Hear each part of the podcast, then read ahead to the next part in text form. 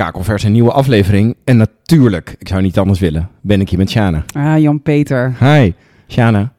Wat is er nog veel onzin over het brein dat de wereld ingeslingerd wordt? Ja. En wij zijn Brain Bakery. Ja, En de wereld van leren in de deelnemer vindt natuurlijk plaats in het brein. Ja, ja, in het koppie. Dus je. Je wil het ook voelen in je hart, maar het proces vindt plaats in het brein. juist. Dus hoe ongelooflijk dom is het als, als je L&D'er gelooft in dingen over het brein die gewoon niet kloppen. Ja, dat kan echt niet. En Nee. wat het erge is, onze beroepsgroep geeft het ook nog vaak door. Dan Oh. heb- hebben mensen het ook weer in een training gehoord. Ja, en wat een trainer zegt is natuurlijk waar. Ja. En eh, ja, dan gaan we daar ook in geloven. Dus, dus ik wil vandaag besteden aan het mythbusten, ghostbusten. Het, de mythes moeten de wereld uit, dingen die niet kloppen. En ik wil vooral dat ze de wereld uit gaan, niet omdat ze gewoon niet kloppen en ik vind het vervelend, maar omdat het ook schadelijk is als je het gelooft. Mm. Het is gewoon niet oké. Dus daar moeten we wat aan doen. En er zijn er vijf. Welkom bij een nieuwe boost voor jouw missie No More Boring Learning. Dit is de Brain Bakery Podcast. Juist, lieve luisteraar, we hebben vijf mythes voor jullie. Die gaan we busten, we gaan ze doorbreken. We gaan ook uitleggen waarom ze schadelijk zijn. Eh, we gaan ook uitleggen eventueel hoe het wel zit. Luister lekker mee, schrijf op. En als je er meer over wilt weten, je kunt altijd op de site www.nomorebornlearning.nl even de achtergrondinformatie erbij kijken. Ja. Het artikel. Ja, want we hebben voor ieder van de vijf myths die we gaan busten, hebben een artikel link. Dus daar kun je nog veel meer over te weten komen. Dus stop met de verspreiding van onzinnige informatie en fake news. Juist, ik ben dol op lijstjes, dus here we go. We gaan naar nummer 1. 1. Specifieke leerstijlen. Mm, Ja, ik vecht er al heel lang tegen Ja. en ik hoop dat jullie met me meedoen. Maar er is een hardnekkige geloof in de wereld. Er gaat ook heel veel miljoenen euro's in om. Dat iedere persoon op aarde een bepaalde leerstijl heeft. Ja. En eh, de implicatie die dat heeft, is dat we denken ook dat als we ons als leraar of als, als trainer aanpassen op die leerstijl. En we geven het, de informatie volgens die leerstijl aan die persoon. Dat die persoon sneller en makkelijker leert. En ik voel helemaal met je mee dat dat een hele aantrekkelijke theorie is. Want dan zeggen we dus eigenlijk van nou, jij hebt een driehoekje in je hersenen. Dus als ik het als een driehoekje erin stop, dan gaat het er beter in. Ja. Heel aantrekkelijk, maar volkomen complete, totale onzin. Ja, mensen hebben leervoorkeuren. Ze kunnen het soms lekker vinden om op een bepaal- bepaalde manier te leren. En als je die voorkeur weet en mensen vinden leren over het algemeen niet zo leuk, want leren doet vaak een beetje pijn. Ja.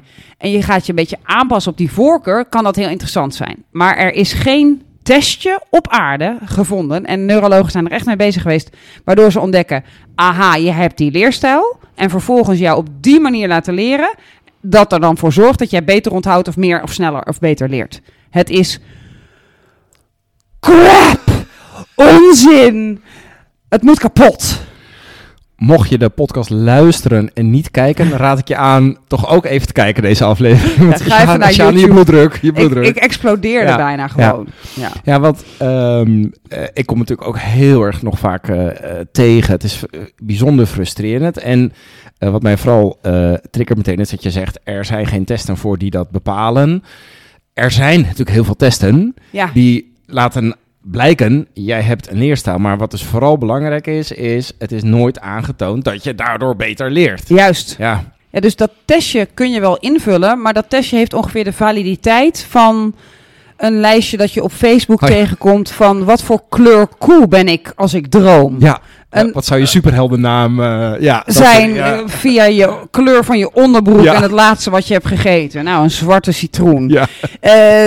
M- mijn superheldennaam is Black Lemon.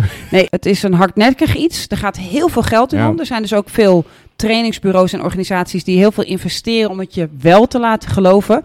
Ik vind dat dus ongeveer misdadig. Ja. Want er zijn dus ook trainers die zeggen: ik doe alleen een training als ik van iedereen de leerstijl weet, want dan kan ik me daarop aanpassen. Eh, het is onzin.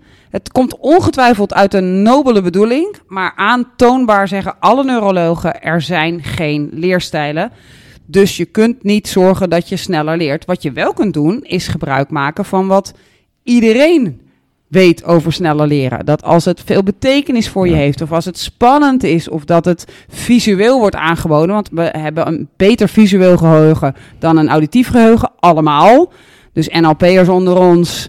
Er is geen auditieve leerstijlentest of, of dat je visueel beter bent. Iedereen is visueel beter. Dus het helpt om op veel manieren dat aan te bieden. En je kunt dan beter gaan kijken naar wat zijn nou de breinleerprincipes en hoe kan ik me daarop aanpassen. Ja. Maar die verschillen niet heel veel van mens tot mens. En, Stop ermee. Ja, ik wil even iets bij je checken, want we hebben het ook gehad over het kan schade eh, Ja. toerekenen. Ik kan me voorstellen dat als ik deelnemer ben, Ja, ik krijg te horen, jij bent. dit is, jouw, dit is jouw leerstijl, Ja, dus ik ga dat nu aanpassen. En waarmee ik impliceer, dan zou je het sneller moeten kunnen begrijpen. En dat lukt me niet. Dat ik ook nog een soort last krijg van, maar ik zou dit toch nu moeten kunnen. ja, dat zou heel schadelijk zijn. Ja. Goeie. Ik denk alleen dat heel veel, net zoals als we zo'n testje op Facebook maken, of als we een horoscoopje lezen, dat we toch wel denken, nou, zou best wel een beetje kunnen kloppen. ja, ja. Ja, Ja. ik denk ook vaak zo. Dus ik denk ook dat je dan bijna een placebo-effect Ah, krijgt, dat oh je ja. het ook nog sneller leert. Dus in die zin kan het geen kwaad, maar het kan wel kwaad en stop ermee. Ja. Ik wil door naar nummer twee. Heel goed, nummer twee. Het rechter- en linker hersenhelften debat. Ja, Ooit wel eens gehoord? Nee, ik ben echt een leftbrainer. Ja zeker. Ja, ik Ja. ben een rightbrainer. Oh nee, maar hij is zo... Ja. Hij zit altijd in zijn Aan de ene kant ben je dan toch de creatieveling, en Ja. aan de andere kant weer de, nou ja, De logische redeneerder. Ja, Ja, oh ja, ja. nee, onzin. Oh, Nee. Dus ja, er zitten bepaalde taken wat meer in de ene hersenhelft dan in de andere hersenhelft. Maar wat we zien als je scans maakt van de hersenen, is dat bijna voortdurend je hele hersenpan oplicht. En dat je daar heel veel in kan zien. Daar hebben we ook een filmpje van. Ook op de website kun je even naar kijken.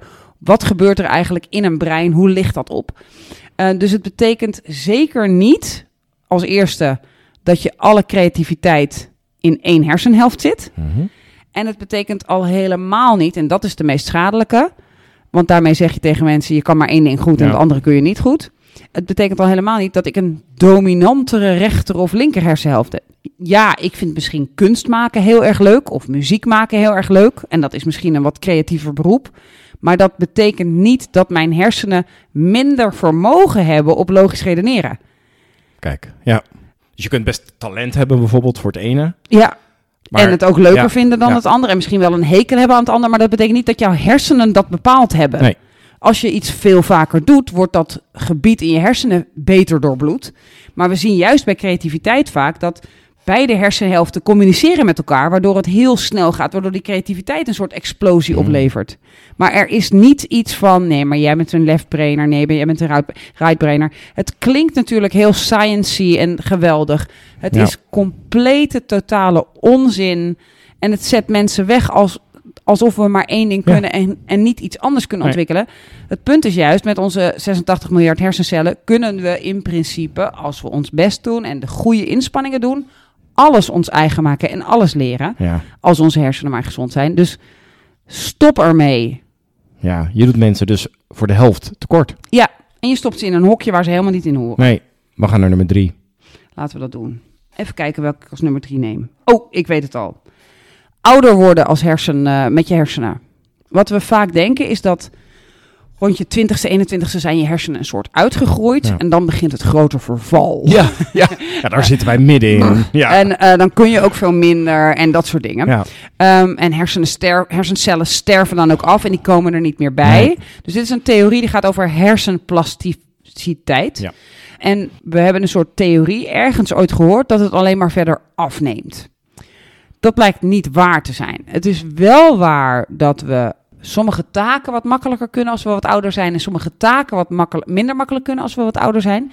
Maar je leervermogen, dus hoe snel je kunt leren, neemt niet af. Hmm. Oh, wat een lekkere boodschap. Ja, Ja. heel veel hoop voor ons. Ja. Maar ook voor sommige mensen schop je nu een excuus. Nee hoor, ik, Ja, ben als, precies. ik hoef nog maar vijf kerstbomen, dan ben ik hier al weg. Zo'n oude rot, eh, hè, hoef je geen nieuwe trucjes meer te leren. Ja. Dat is dus niet waar. Nee. Het kan er allemaal nog bij. Dus ik ga even nu zeggen wat wel waar is. Hè? Wat, wa- welke taakverschillen gaan er optreden als je hersenen wat ouder worden en jij dus wat ouder wordt. Maar het vermogen om te leren neemt als je hersenen gezond zijn niet af. Lekker. Dus Oudere mensen, wat kunnen die nog even goed als jongere mensen? Nieuwe herinneringen vormen. Kunnen we nog even goed? Eh, het verwerven van nieuwe vaardigheden. Je woordenschat uitbreiden. Dat hoor je ook vaak, hè? Ja. Te oud nog om een nieuwe taal te leren of zoiets. En ja. dat is inderdaad de vierde. Een nieuwe taal leren Ja. kun je even goed als dat je klein bent. Heel hoopvol dit. Absoluut. Maar waar worstelen de oudere hersenen dan Mhm. wel mee? Maar dat heeft dus niet te maken met leervermogen. Namen oproepen en soms het juiste woord vinden. Ja. Eh, de theorie is daar eerder van, omdat we zoveel woorden ter beschikking hebben. En je woordenschat zo groot is geworden omdat je ouder bent en dus steeds meer woorden kent. Dat het soms lastig is om de goede te Mm. vinden. En dan denken we, "Oh, mijn hersenen gaan eraan, Ja. mijn hersenen gaan eraan. Wat verschrikkelijk. Nee, dat hoort bij iets ouder worden. Het echt precies juiste woord vinden. Het en moet- vroeger had moet je gewoon voor... met een groter assortiment komen. Precies. Ja. Eh, multitasking, Ja. dat wordt iets zwaarder. En dat is voor iedereen überhaupt zwaar. Hè? Ja. En het is een illusie dat mensen dat beter kunnen Ja. eh, als ze jong zijn. Maar, want niemand kan het eigenlijk goed. Maar Het schakelen het schakelen ertussen wordt iets zwaarder. En de aandacht lang vasthouden. Dus de, de tijdspanne van aandacht, die wordt wat zwaarder als je wat ouder wordt. Dus als je dan zegt, ik neem iets vaker een pauze tijdens het leren, heb je nog steeds dezelfde hersenen met dezelfde capaciteit ter beschikking. Mag ik een vraag Ja, stellen? Want tuurlijk. ze zeggen heel vaak, dit gaat over ouderen, ze zeggen heel vaak dat jongeren een korte tijdspanne hebben. En dat, dat je dan dus ouder wordt en dat je het dan langer hebt. Dit gaat over weer echt Ja. ouder worden. Klopt dat? Weet je dat toevallig? Hebben jongeren fysiek een... Kortere aandachtspannen. Ehm, echt jongeren, ja. Ja. Mhm. Eh, die kunnen zich nog niet te lang concentreren. En tot aan je 21ste, 24ste ontwikkel je je verantwoordelijkheidsgevoel voor in je hoofd nog heel erg. Dus daarom ben je ook voor je 21ste niet, ben je gewoon financieel onverantwoordelijk. Hè? Dan zijn Ja. je ouders nog verantwoordelijk. Als jij dan ineens iets heel raars doet, eh, wat financiële consequenties heeft, ja, dan ligt het nog bij je ouders. Dus daar wordt nog in ontwikkeld. Maar vaker wordt dit gerelateerd aan, ja, die zitten de hele dag op TikTok Ja. of de hele dag op Ja. filmpjes of de hele dag te gamen. Dus die kunnen geen aandacht meer hebben. Maar ga eens naast een gamer zitten die vier uur lang met zijn, met zijn teamgenoten een andere bende moet verslaan. Ja, ik zie daar hyperconcentratie. Dus, dus ja, als je jong bent, ben je nog heel snel afgeleid en is concentratievermogen nog iets echt wat je aan het ontwikkelen bent. Maar vanaf dat je ri- richting de volwassen leeftijd gaat, is dat wel ontwikkeld Ja. en kun je dat gewoon. Oké. Ja. We hebben er drie gehad, als Ja, ik het mij goed herinner. moeten we, we moeten door naar de volgende. Ja, nummer vier, kom erop. Ik wil naar de leerpiramide. En daar hadden we Ah. het van tevoren Ja. over. En dat is gewoon eentje die overal staat. Ja. En die moeten we ook omverschappen. Maar daar trapte bijna iedereen Ja, in. ja, nou, ja, dat wil even een momentje. Ik ook. Ja, Ja, want het is toch zo dat als je mensen weer laat oefenen of als je mensen iets laat uitleggen, ja, dan leren ze beter. ja. Ja, Je- je- heel veel beter ook. ik echt, denk hè? ook echt dat, je, dat heel veel mensen eh, die piramide wel kennen. Het is de piramide, ik lees hem even een beetje voor, zodat Ja. ik hem heel goed zeg. Eh 10% van leren komt als je, het, als je iets leest, dan hou- onthoud je 10%. Als je luistert naar een speech, dan 20%. Als je dan ook nog kijkt naar plaatjes, dan onthoud je 30%. Mhm.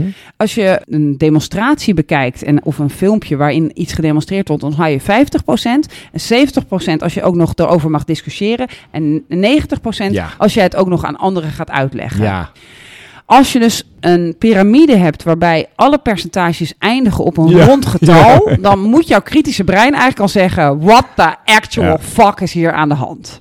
Dus nee, nee. Dit Nee. zou ook betekenen dat je een heel saai, dom filmpje, dat dat evenveel impact maakt als een heel gelikt goed filmpje wat het brein echt triggert.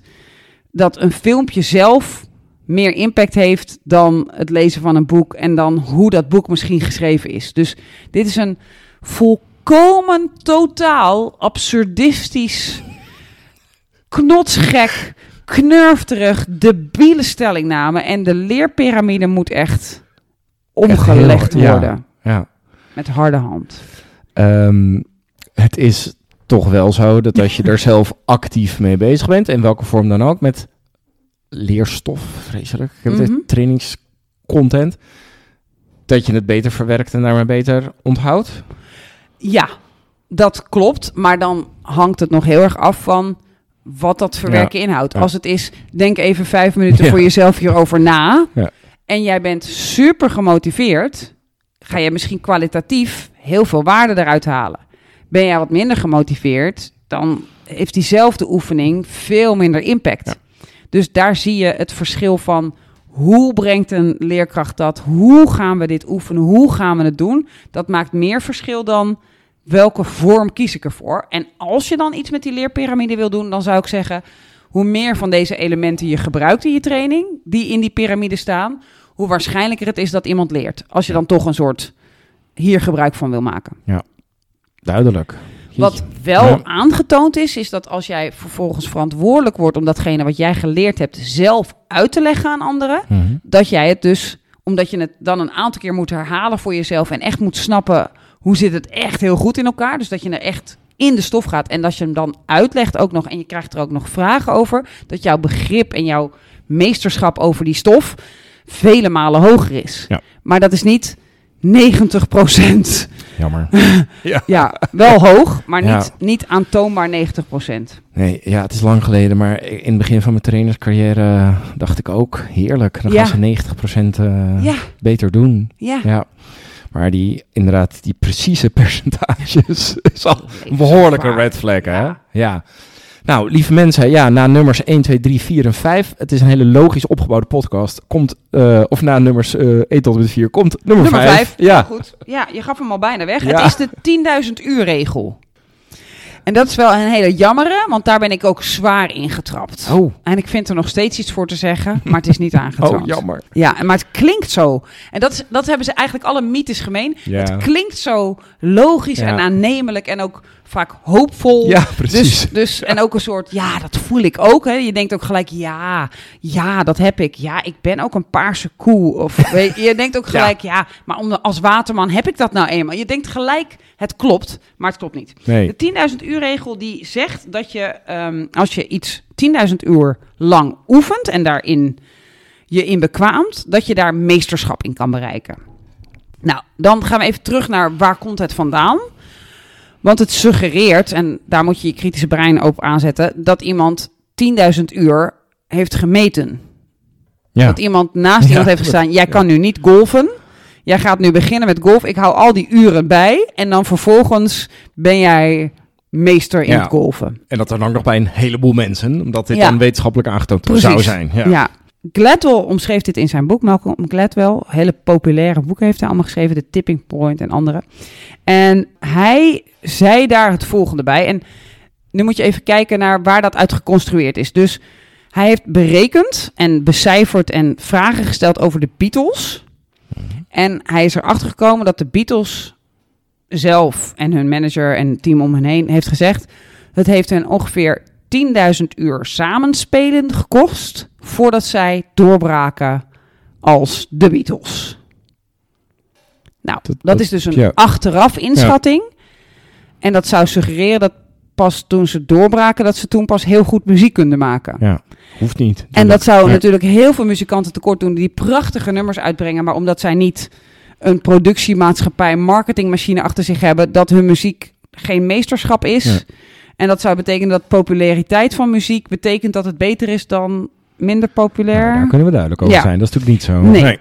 Dan zei Malcolm Gladwell ook nog van ja, Bill Gates, die heeft 10.000 uur zich bekwaamd aan het leren programmeren voordat hij Microsoft echt van de grond kreeg. Eh, leuk. Ja. Ja, betekent dat dat je Bill Gates kunt worden als je 10.000 uur gaat programmeren? Nee. Dus Nee. je voelt hem al een beetje glippen. En dan de beste VO-student in Berlijn, waarvan iedereen zei: Jij bent de beste. Die gaf aan 10.000 uur geoefend te hebben om goed te worden. Nou, dus Top. drie mensen geven dit aan. Ja. De een over programmeren en dan twee over muziek. Dus nu weten we het zeker. Bij 10.000 uur kan iedereen alles. Ehm, Ach, wat is het leven? Lijkt soms zo simpel. Ja. maar ja. ja, het is natuurlijk ook heel pakkend. Ja. Het is gewoon lekker. Ja.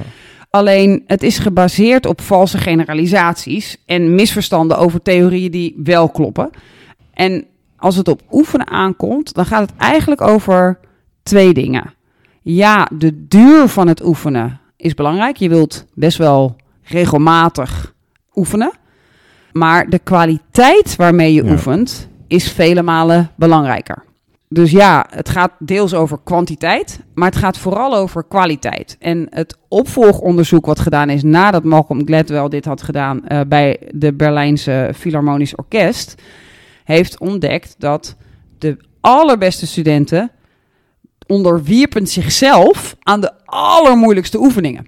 Dus die speelden niet alleen het stuk vooruit, maar ook achteruit. Speelden het op drie dubbel zo snel. Speelden de moeilijke stukken twee octaven verkeerd. Die, die deden vingeroefeningen die vele malen complexer waren dan de gewone Gewoon, al goede eh, studenten. Dus de complexiteit van het oefenen is een veel belangrijker iets. En dus niet met een stopwatch 10.000 uur gaan staan bijhouden. Precies. Nee. Want je kunt die, als je al wil uitgaan van die 10.000 uur, kun je die dus verkorten door veel slimmer te oefenen. Ja. Ja. En je kunt je ook nog voorstellen dat als je iets gaat leren wat je helemaal niet leuk blijkt te vinden, dat je die 10.000 uur bijna niet volhoudt. Nee. Dus gaat die 10.000 uur dan nog werken? Het is gewoon onzin. Ja. Het is een. Stop ermee. Ja. Nou, we zijn weer wat illusies armer. Ja, en ik wil nog één ding oh, sorry, over die 10.000 uur zeggen. Ja. Heel veel mensen horen dan 10.000 uur en dan denken wij dit geeft hoop. Maar voor de meeste mensen betekent het, wat? Ja. 10.000 uur? Fuck jou, Ja. daar heb ik geen tijd voor. Ga ik niet doen. Dus het is ook moedeloosmakend. Ja, ik, ik denk dat de meeste mensen er zo op reageren. Alleen maar als je iets toch al heel dus, graag wilt. en het is dus Ja. ook onzin, dus zeg het nou ook niet meer. Je kan dus meesterschap op andere manieren bereiken. Nee. En dat gaat over consistent, slim, goed oefenen. En natuurlijk dat het dan past bij je leerstijl. Wat dan? Jan-Peter, ik, ik, ik, ik wil niet meer. Stop met de, ik, deze pot. Dit was de allerlaatste uitzending. Ik wil je nooit meer zien. No more boring learning.